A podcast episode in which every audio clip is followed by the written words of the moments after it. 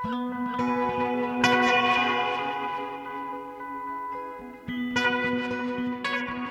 og sæl, kæru hlustendur, Jóhannes Ólafsson og Halla Haradóttir heils ykkur úr hljóðstofu Viðsjár, 5. daginn 15. júni. Í þættidagsins James Bond Íslands, vinatónleikar og Game Daman. Það fer öruglega ekki fram hjá mörgum sem ferðast um í miðbænum að þar eru víða skildi þar sem að ástendur skrifað var James Bond Íslandingur. Og það er í raun gömul saga, smá dölinn í vitund þjóðarinnar eftir vill, að vestur Íslandingurinn Sir William Stevenson, vinur manna á borfið Winston Churchill og Ian Fleming, er fyrirmyndin að hinnum fræga njósnara James Bond. Þeir Hugi Hreyðarsson og Bóji Auðarsson hafa fengið þessa sögu algjörlega á heilan. Þeir hafa ferðast á söguslóðir Stevenson og við ætlum að heimsækja sögu kjallara sem þeir hafa opnað Stevenson til heiðurs og eh, við ræðum við Huga hér á eftir.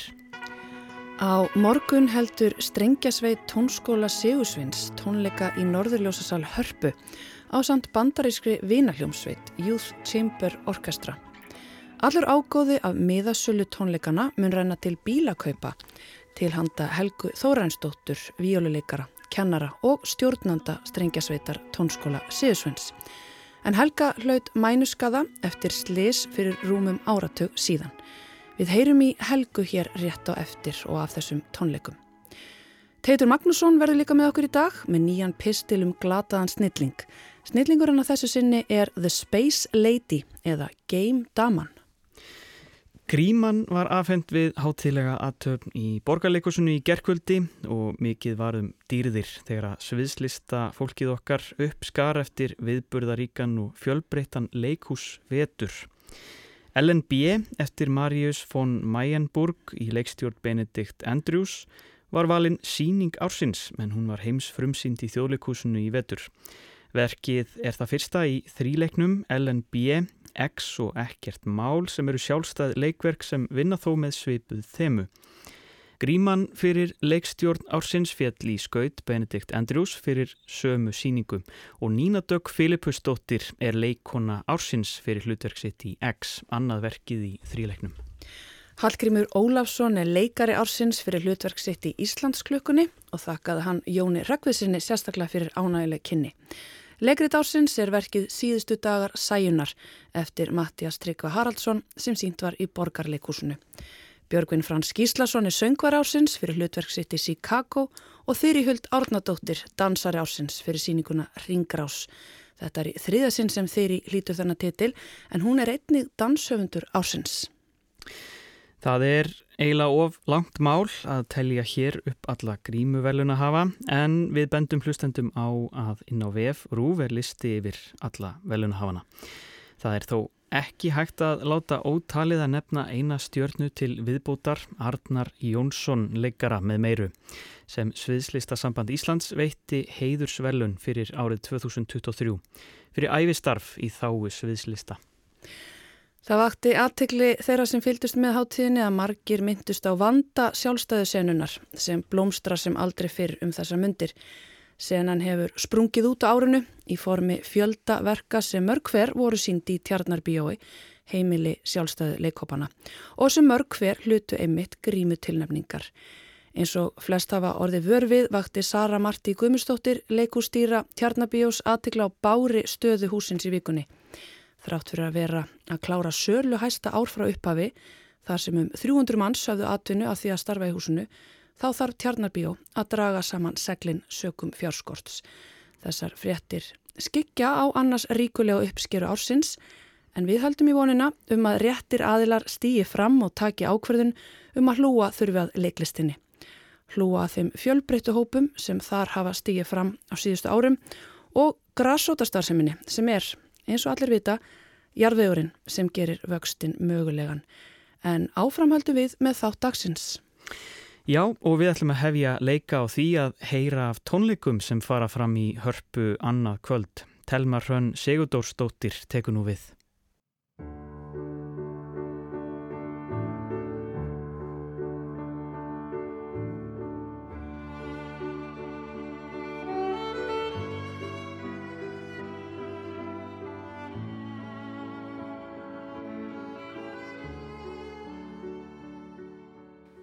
Vinafundur er heiti á tónleikum sem verða í Norðurljósasal Hörpu förstu daginn 16. júni næstkomandi. Á tónleikunum spilar Youth Chamber Orchestra á samt strengjasveit tónskóla Sigursvins undir stjórn Aron Picht. Tónleikarnir eru styrta tónleikar og mun allur ágóðu þeirra renna í söpnun fyrir nýrri hjólastólabifrið fyrir Helgu Þórarinsdóttir víluleikara. Helga var leiðari víoludildar í Sinfonuljónsett Íslands í fjölda ára en lendi í Slísi árið 2012 og varð fyrir mænuskaða. Hún getur ekki lengur spila á víoluna en leggur enþá metna sinn í að kenna strengjanemyndum og stýrir strengjasveit tónskóla Sigursvins. Allur ágóði af tónleikunum næstkomandi förstu dag renna í söpnununa.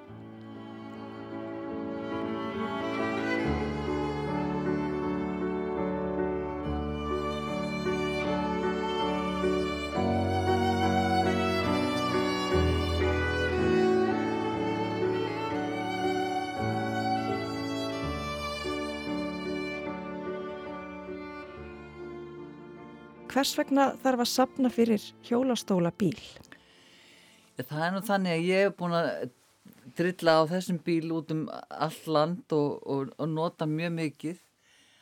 Og, og uh, það ég þarf að fá nýjan. Og rampurinn er líka alveg búinn sko þannig að, að ég þarf svo sem ekki að borga fyrir, fyrir auka hlutina en, en eitthvað þarf ég að borga á milli mér dætt í huga að nota þetta tækifæri þegar þessi hljómsveit er að koma til þess að, að, að hérna, selja inn og slá þarna tvær flugur í einu höggi sko. Skemmtileg. Hvernig, hvernig bíl eru við að tala um? Þetta er svona, þetta er Mercedes-Benz Sprinter sem ég, að því ég er svo há eða að því ég er svo há til njösins þá þarf ég svona stóran bíl En tónleikanir eru styrtar tónleikar. Ástæði fyrir þessum tónleikum eru rauninni að þessi hópur er að koma, Youth Chamber Já. Orchestra. Já. Hvernig var þetta samband til? Það byrjaði vel að þannig að við Aron sem er stjórnar þeim, við vorum saman að læra á víólu í Boston fyrir ekki 40 árum eitthvað svo leiðis og hann var þar stjórnu víóluleikarin og svo fekk hann e- einhvers konar svona eins og eitthvað taugar í handleikina og ég lendi í þessu slísi og lamaðist. En við, ég var nú reynda búin að vera að stjórna svona streikjarsveitum ég var brunnið fyrir þessu bara í, í ára tugi sko. Þannig að hann er með svona streikjarsveit í, í Fíladelfíu og svo fyrir einhverjum árum þá komst þetta samstarf á. Við, við erum búin að fara fjórusunum og þau eru búin að fara koma, þetta er fymtaskipti held ég sem þau koma þá. Og þetta er alltaf að eblast meir og meir sko, við erum að læra hvort á annað og núna eru okkar nefnendur að spila. Ég ætlaði að stjórna Mozart í vettimendóinu en svo hugsaði ég með mér að það er miklu skemmtilega fyrir okkar krakka að fá að vinna með honu því hann er svo frábær sko. Þau er að er verða með í, í, í okkar krakka verða með í Correljóni verkinu Voyage og, og uh, líka í Grík vorinu. Uh, hérna náttúrulega aðal viðbyrjun er kannski að hérna hann Aron pantaði verk hjá Snorra Sigfúsi Birgisinni sem heitir Eyjar eða Islands sem er mjög flott verk. Og þau spila það alveg svo eru þau með súkserinuðu um, og uh, svo erum við með Mozart í Vestimento í F-dúr og þennan Correljóni og byrjum við hverja og Grík vorinu. Grík og, og svo er, skal ég segja, er einn annar kennari sem er algjör snilli líka sem heitir Charles Parker. Og hann er með, skal ég segja, er baksjakkonuna með 14 fýðlum og ég hef heyrt það, það er líka alveg stór, stórfenglegt þannig ég get alveg lofað að þetta verða mjög skemmtilegi tónleikar. Ekki bara sem nefnda tónleikar þetta, þetta er alveg komið upp á professional professional level. Já, í raun og veru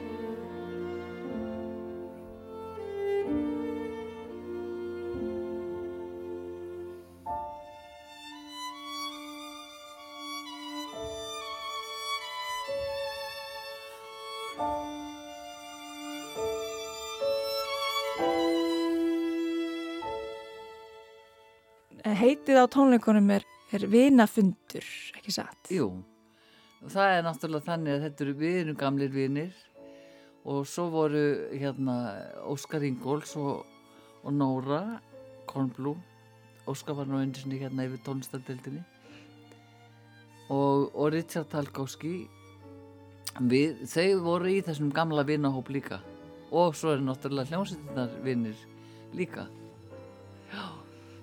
Nú hefur mikið vatturinn til sjáar síðan að slísið þitt hefur átt sér stað Já, um, Getur þú sagt okkur frá vegferðin síðastlegin hvað 11 ár? Já, það er náttúrulega tekur, tekur langan tíma að svona sættast við þetta og ver, verða maður sjálfur aftur. Ég myndi segja að það hefði tekið mér tíu ár. Mér ég vera komin þánga núna og ég var mjög heppin að geta kent og, og hérna, þetta Erlendstóttir sem var með mér þegar ég datt hún skipaði mér að fara aftur að kenna. Og ég, minn, sagði við hann neð, hvað vill mig enginn svona, ég get ekkert kent og hún sagði, jú þú verður. Og það hefur náttúrulega verið alveg dásalegt og, og uh, þú veist að fara út meðal fólks og, og hafa eitthvað að, gera fyrir hausin og, og hjartað sko. Mm -hmm. og uh, mér finnst það bara svo gaman. Og að svona að hérna að leiða krakkana inn í, inn í eh, þennan tólinstar heim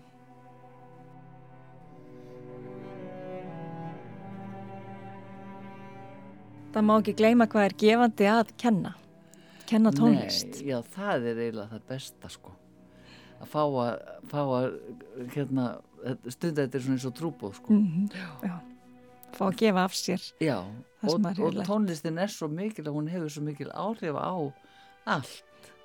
Þetta er tungumál hjartans og, og skerpir heilan og fer yfir í allan læ- lærdóm sko þessi ægi sem að sem að þetta kostar sko maður er að gefa gjafir Já, og þetta var það sem kvekti í mér til þess að læra sko að ég nefndi aldrei að æfa mig fyrir en ég fór að spila með í hljómsveit mm -hmm. og þess vegna finnst mér svo mikilvægt líka koma þessari gleði áfram sko. Mhm. þarna liggur nestin sko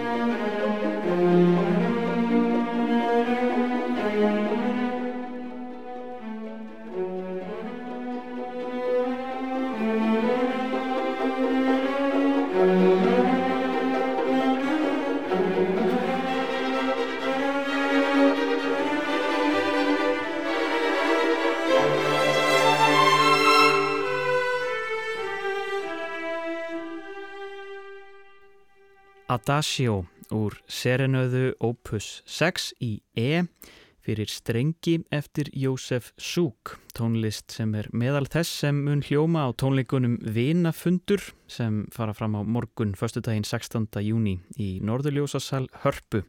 Telmar Hrönn Sigurdórsdóttir rætti við Helgu Þórensdóttur, víjóluleikara, kennara og stjórnanda strengjasveitar tónskóla Sigursveins. Helga hlaut mænuskaða eftir sliðis fyrir rúmum áratug síðan og mun allur ágóði af miðasölu renna í sjóð sem styrkir helgu til bílakaupa. Og úr klassísku tónlistinni förum við yfir í allt öðruvísi tónlist.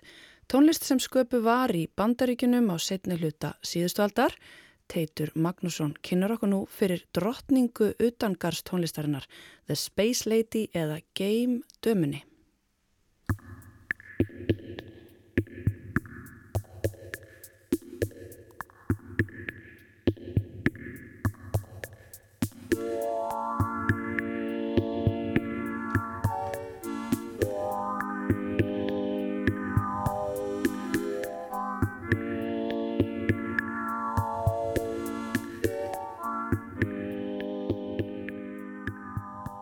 Drottning utangarstónlistarinnar, böskari, hellisbúi, hamfara poppari og móðir. Geimfrúin er lent og þú veist að hendar vel. Því í dag fáum við heldur betur að kynnast Susan, best þekktri sem The Space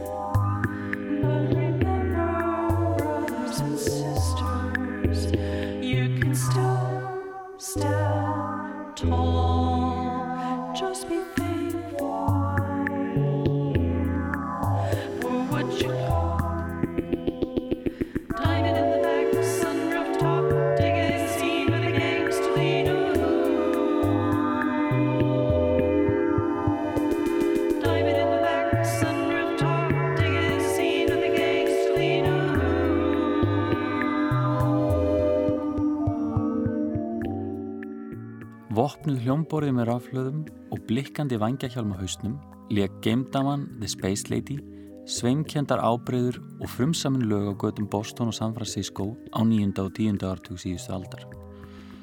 Síðar meir átti hún eftir að vera hafin upp til skíjana sem mikilsvirtur utangarslistamæður, einirki og hamfarapoppari. En hugtakið hamfarapopp hefur fest síð sessi hér á landi hvað var þar utangarstónlist og er hugdaginu ætlað að heiðra soloplötu Gunnars Jökuls Hákonasonar Hamfarir frá 1995 sem er að sjálfsögðu tímalus snild úr fórum fyrrum drömmara Trúbrots.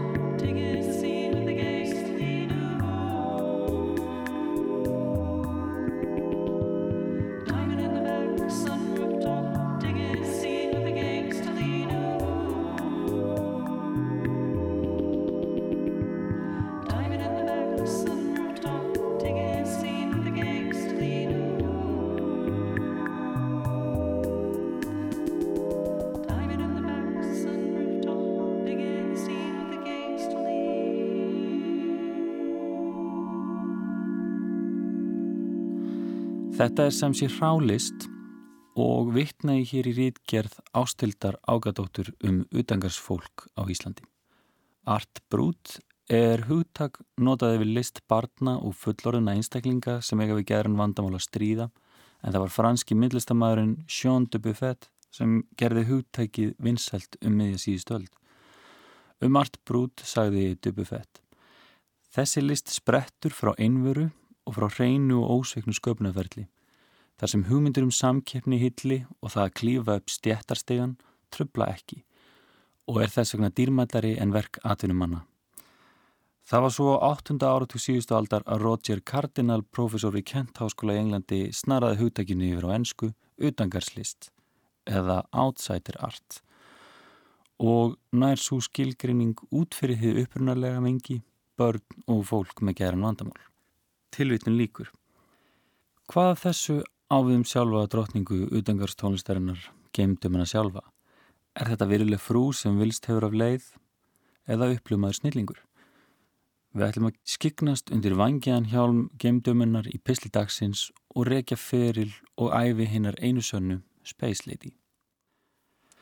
Konan sem síðar meir átti eftir að umbreytast í geimkvendið allræmda kom í heiminn á sama hátt og aðri jarðabúar þegar hún fættist inn í tónelska fjölskyldu í Colorado fylki bandaríkjana árið 1948 og hlutnafnuð Susan. Þegar hún var um tvítugt var Susan numinn brott af geimverum. Það vildi þannig til að hún þurfti lífsnöðsilega að gangast undir skurðaðgerð og þegar svæfingin tók yfir þá fannst henni sem hún svifi út úr líkamannum og út fyrir andrúsloft jarðar. Þar hitt hún fyrir geimverur sem buði hennum borð í fljúandi fyrðu hlut Verðunar deildu með henni leindardómum alheimsins og tilgangi alls, auk þess sem þau fóru öll saman á rúndin um sólkerfið.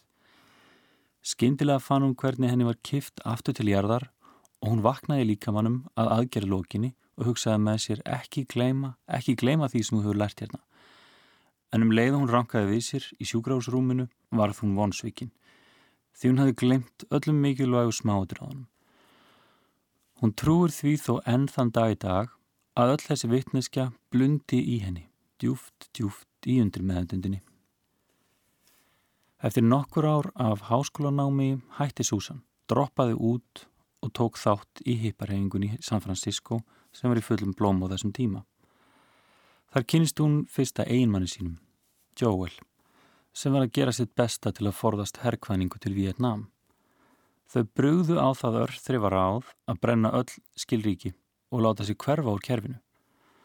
Þau tóku þá afstöðu að leggja sem minnsta mörgum til þessa spilta kerfis vítishörmunga og stríðskapitalisma og öfluðu sér heldur viðværis með óhefbundum leiðum.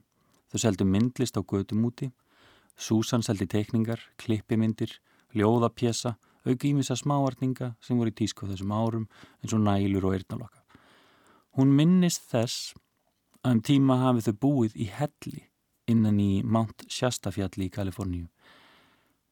Þar hafið Joel elskað að spila á ramaskítarinn gegnum ýmsa effekta langt fram á nótt meðan slétti úlvöldnir góluði í fjarska. Joel dreymdi um að stopna einsmanns rockljómsveit en sviðskrekkurinn stoppaði hann alltaf af. Það var loks árið 1980 sem Susan fór að koma fram einn með bilaða harmoniku og gödum úti. Hún tók til við að böska eins og það er kallað þegar fólk leikur tónlist fyrir vegfærendur í vonum kling. Þarna voru þau hjónin orðin gjörsamlega auralaus og örvendingafull með tíu mánuða smábarnu barminn. Tveimar ánum setna tilingaði Susan sér nýjútkomna græu, hljómborðið Casio Tone MT40 og byrjaði að syngja í gegnum hljónema tengdan gegnum delay pedal með hjálminn góð á höstnum sem Joel hannaði handa henni. Þannig sló henni gegn á gödum San Francisco og hlaut nafnið The Space Lady í blada umfjöldun Berkeley Barb þegar hún lendi í öðru sæti á listæður bestu gödu tónlistamenn borgarinnar.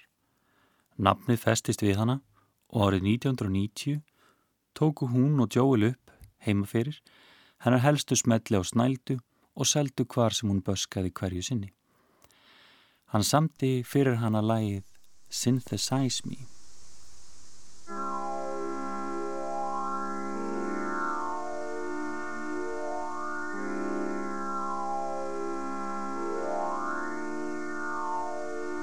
Your eyes are set on stone. hotter than the sun. I love to see you shine, cause you really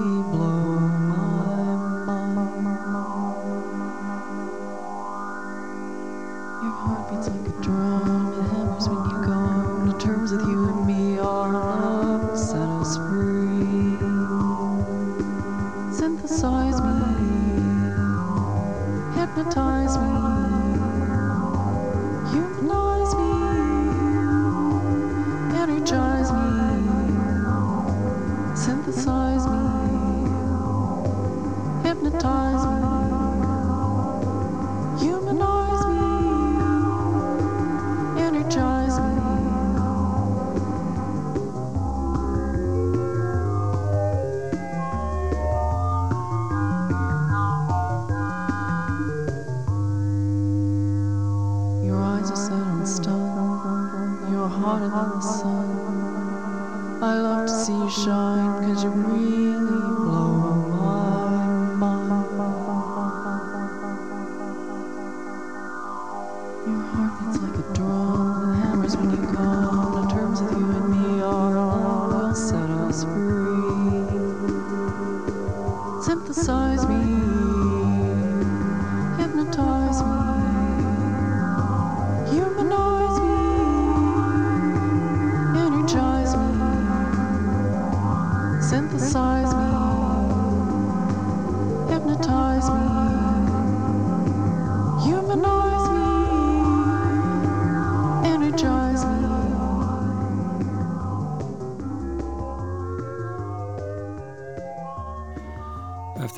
20 ára Böski sem hafði brauðfætt fjölskyldu hennar lagði Susan hljómborð á hilluna yfirgaf Joel og fluttist aftur heim til Colorado til að annast aldraða fóldra sína. Hún lærði hjúgrunn og fór að vinna á elli heimili. Það var svo tónlistafræðingurinn Irvin Chusit sem út bók og saplutu um utangarsfólk sem jók vinseldir geimdumunar til muna án hennar vittneskju. Hún aðlæðist í kjölfarið diggan aðdáðandahóp sem fór á stúfana og vildi finna hana. Hún var komin með köld. Árið 2008 giftist hún manni að nafninu Erik sem peppaði hana til að hefja aftur að leika tónlist og þessi sinni á alvöru tónleikastöðum. Erik var umbóðsmaður hennar og kom sér í samband við aðdáðandörna og skipulaði með þeirra hjálp heimstúr sem fór fram árin 2014-2015. Það er skemmst frá því að segja að geimdamann góða er enn í fullu fjöri og aldrei að vita hvernig bregður fyrir næst með sinn vangjaða hjálm. Ekki svo glötuð og galinn, kannski innangars eftir allt saman.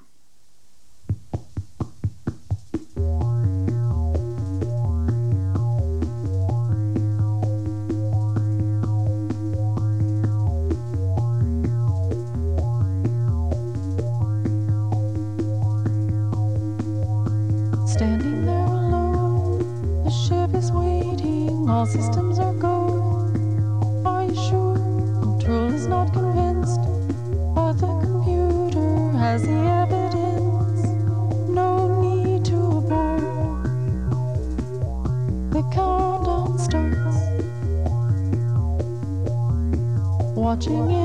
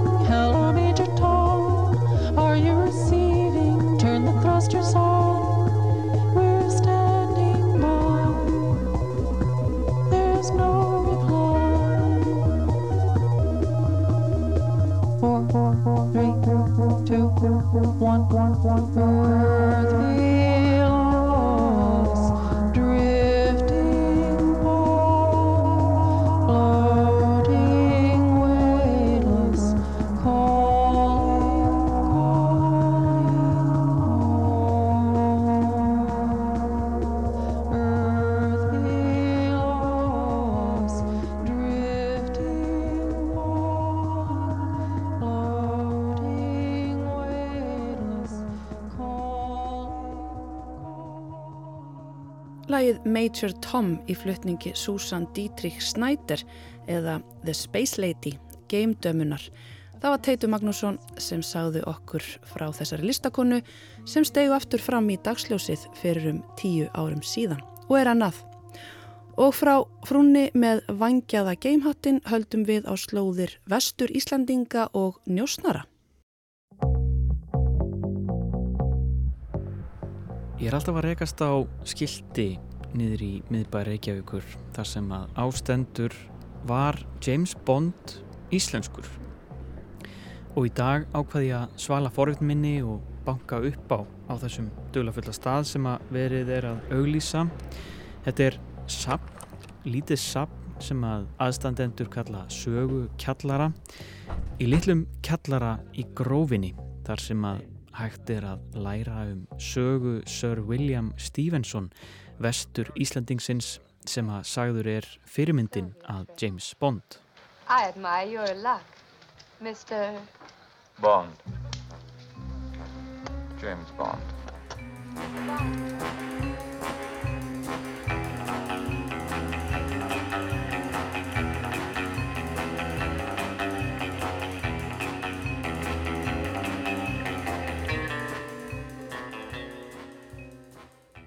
Ég heiti Hugi Hreiðarsson og já, er annar á tveimur stopnundum meigutum af sögukjallarinn Sir William Stevenson. Þetta er einu hálfgjört ævítýri að, að hérna, við sitjum hérna hjá þessum kjallara. Það byrja nú þannig að hausti 2014 og þá er bóji bróðum minn að impra við mig hvort við ættum að prófa að setja upp svo kallar escape room eða flótaðurbergi og mér finnst þetta svolítið skemmtilega hugmynd að búið til eitthvað svona hliðaverkefni og við fórum svona að velta þessu fyrir okkur hvernig við getum búið til svona eh, skemmtilegt escape room og, og hérna á sama tíma að þá til hérna hösti að þá er verið að hérna spila þættina um vestufara í, í ríkissjónvarpinu. Og, og þar er Egil Helgarsson að segja frá í einu þættunum um mann sem að hétt Sir William Stevenson. Við erum komin á slóðir Sir William Stevenson þess íslensks manns sem hefur haft mest áhrif á gangsögunar. Hann var fættur í Pont Douglas hverfinu 1896, fór á vígvettina í fyrri heimstyrjöld, var fyrir gaseitrun, lærðað fljúa, var flugkappi, skaut niður 20 þískar flugvélar en þurfti svo að kasta sér út úr fallíf á þísku svæði og var settur í fangabúðir þjóðveri. Og við sjáum hennar þátt og, og, og, og heyrum þessu sögu sem var var þarna í eina mörgur sjónum um, um vesturfarana. Þarna var verið að segja um mann sem að hafði fæðist í Vinnipeg, átt íslenska móður og, og, og skóskan föður. Og uh, hann uh, á sínum lífslaupi gerði alveg ótrúlega hluti sem að ég hafði aldrei heyrt um og ekki bróði, minn heldur hann bói og, og meðal annars var okkar mæti fyrirmyndina James Bond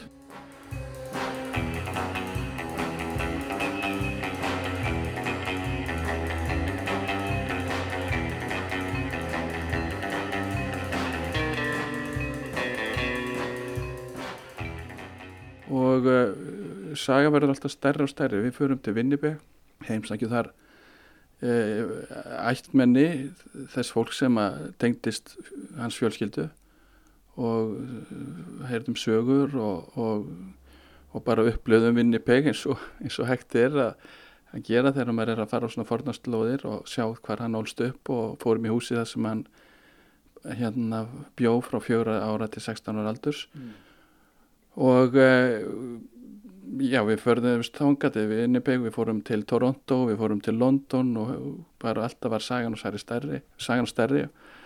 Og, og þess, á sama, sama tíma erum við líka að reyna að finna þá húsnæði fyrir það sem við ætlum að koma svolítið upp og við förum og, og leitum að kjöllur um því að okkur langaði að hafa þetta bara hérna miðbæ miðbæra ekki aukur mm.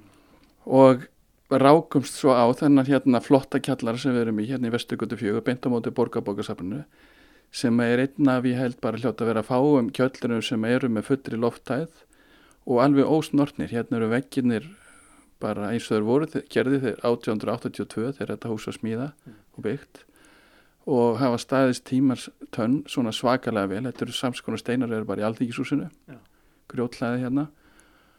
Og hérna byrjuðum við á að vinna 2015 að, undirbúa það að opna hérna fyrst rákot hérna klóttarbergi en síðan ákvaðum við að skipta þessu upp og búa til í raun sögu kjallara umar því að sagan er bara svo stór og sterk og við erum búin að kafa í það hvernig hann í raun bara frá því að hann verður sterk efnaður, hann náttúrulega var miljardamæringur ég, ég, ég veit ekki veist, í dag ef hann væri hver væri sambarlegu hann en hann, hann er því einn af ég myndi ætla í, í topp 50 sætum í öllum heiminum sko. hann, hann væri á Forbes-listan hann væri þar klárlega, mjög ofalega og það er partur líka af þessari þessu, þessu auðleg sem að hann í raun áskotnaðist mm. hann hérna hann er orðið miljónamæringur um 35 ára gammal hann uh, er einn af þeir hann er hann og tveimur sem finnur upp fagstæki á sín tíma mm. og fær enga leifi á því og, og það er þjá fjármunni notaðan til þess að byggja upp eða stórveldi hann er að kaupa hérna, stórfyrirtæki í Breitlandi sem að sem að hérna eru svona einn á grunnvi, grunnviðunum eða já þetta er semesvesmiða, þetta er uh, bílavesmiða og flugvélavesmiða þetta á hana stóru hluta og, mm. og gegnum þau tengsl sína þá sem sagt eh, leiðist hann út í það, þannig er við erum að tala um árið 1936 mm. hann er að hann á stæðstu stálvesmið í Breitlandi og hann er að kaupa stál og hann sér að þjóðverðar eru að kaupa allt stál á mótonum og og allt í hennu er hann bara búin átt að segja því að þjóðverður er að fara í stríð og hann eh, er bara með þeim, þeim tengst, tengslu sem hann hefur farin að vinna eða ekki bara að kaupa stál heldur að vinna að njóstnum í, í tengslu við það að þjóðverður er að vikbúast mm. og hann á góða menn að, hann á til dæs mann sem að hétt Winston Churchill. Þann mann hitti hann frá 36 til 39 svona tvísvar í mánuði. Og hann er að koma til hans upplýsingum um, um hvað þjóðverður er að bardúsa. Ja.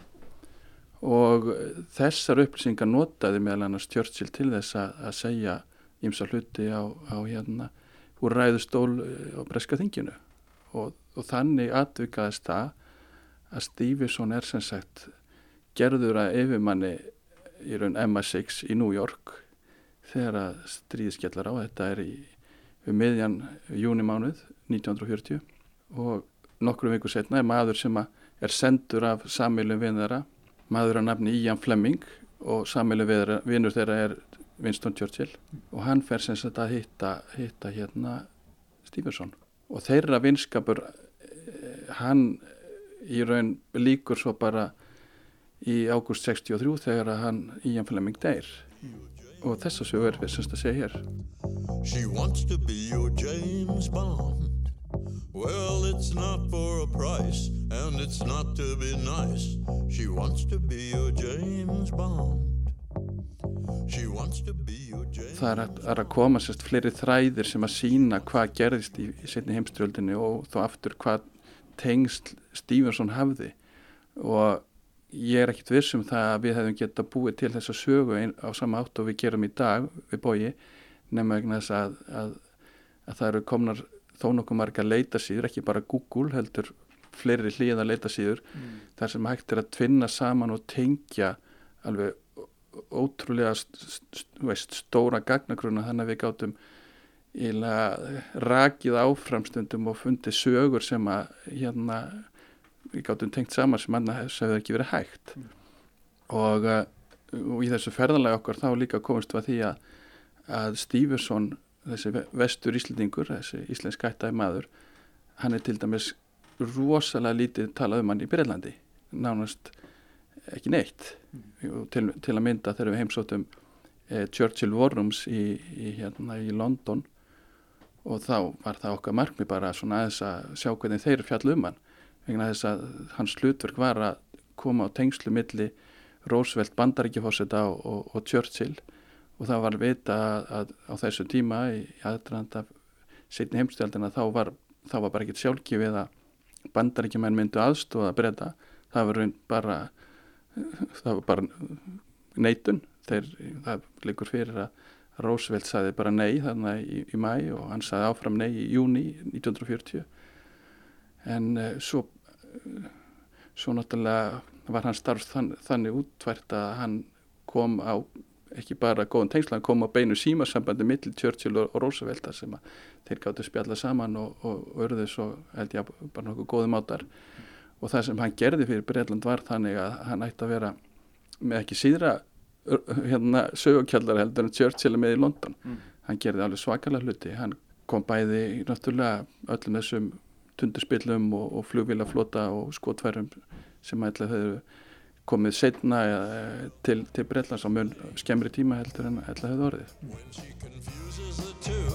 She blames it on you Screaming you're insane You're insane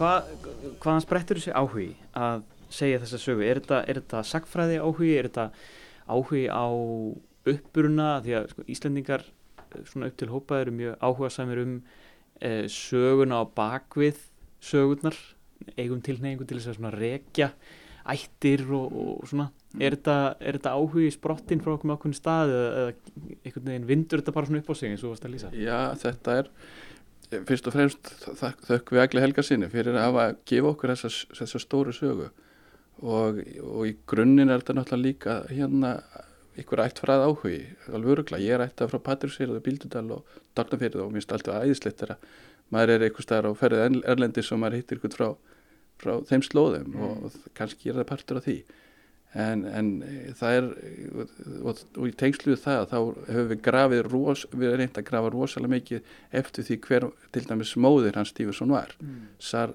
Sigriður Guðfinni Jónsdóttir líkla Jónsdóttir, kannski Jónsdóttir mm. en þrátt verir mikla, mikla gagnaleit. Og mér lókar bara kannski nota þetta, þetta vitalegandi aðstæðis að auglýsa eftir einhvern sem getur aðstofa okkur. Mm. að það hafi ekki geta fundið út hver þessi konu er og hvað, á hvað ættum hún er hérna einanlands því meður þó sem mjög hefur verið mikið unnið gott starf og, og, uh, og mikið til að, að gögnum um, um þá sem fóru vestur að þá, þá er, hefur við ekki náða að hérna finna ennþá lending á því. Og við meiris að gengur svo langt að við fórum að fund Kára Stefanssonar í íslenskri, íslenskri efraðgreiningu og uh, það, það svo sem hefur aðeinslega í dvala það, það svo hugmynd, hann tók nú vel mót okkur en við bara hérna kannski ítum við, hann, ítum við honum aftur hvort hann geti eitthvað hjálpaði okkur. En klárlega væri rosalega gaman að finna út hver ætleikurinn er hér, hér, hér hérna megin hafsins. Mm -hmm.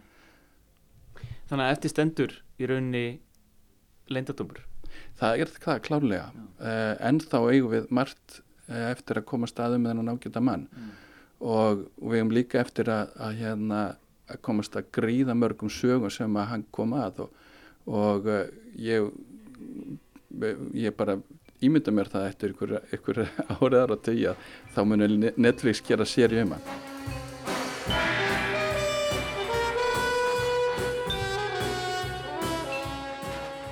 Ertu bond aðdáðandi? Ég er hellings bond aðdáðandi, ég held ég að segja það og hérna og uh, Sean Connery er nú minn svona uppáhals bondin í, en þó að þó að Craig sé líka flottur og, og, og, og maður segja allir sko. mm.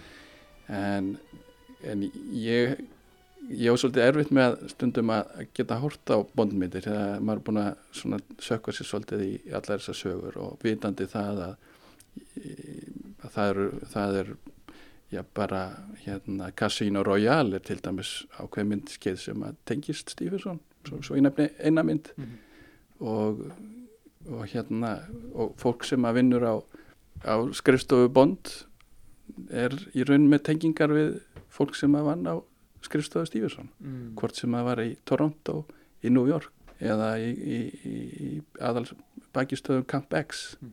í, í hérna Kanada þannig að, að mér finnst mér finnst hérna, já oft gaman að horfa líka bónd bara með, það, með þessu gleru Já, það breyta þessu upplifunni Já, algjörlega, heldur betur. Takk kella fyrir spjallið því. Já, bara takk fyrir okkur, þetta er búin að vera gána að fá það henga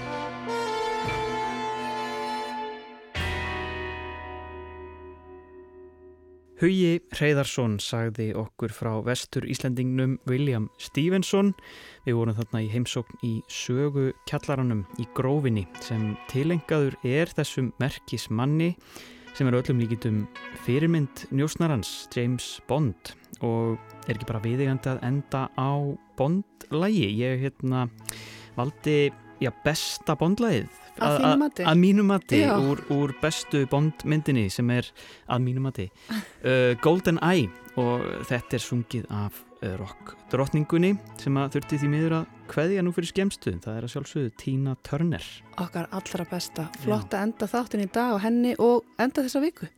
Takk fyrir samfélguna, kæra lustendur við verðum að sjálfsögðu aftur hér á mánudag en í millitíðinni er þetta nálgast alla þætti í spilarnum Verið sæl. Verið sæl.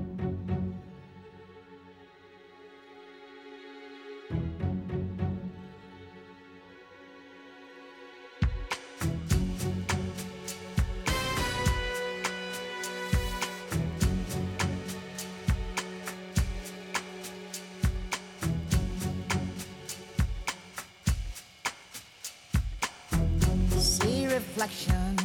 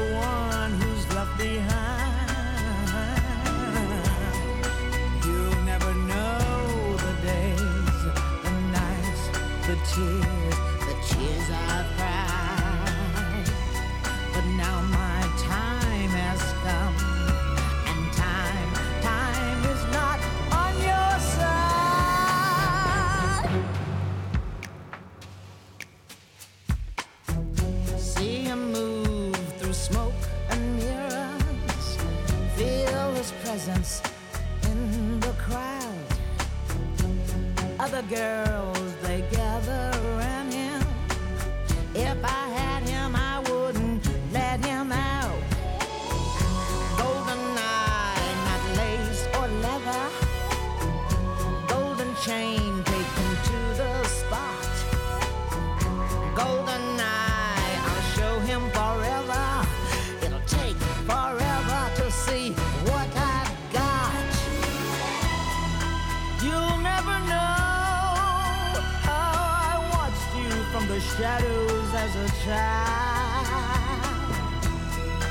You'll never know how it feels to get so close and be denied.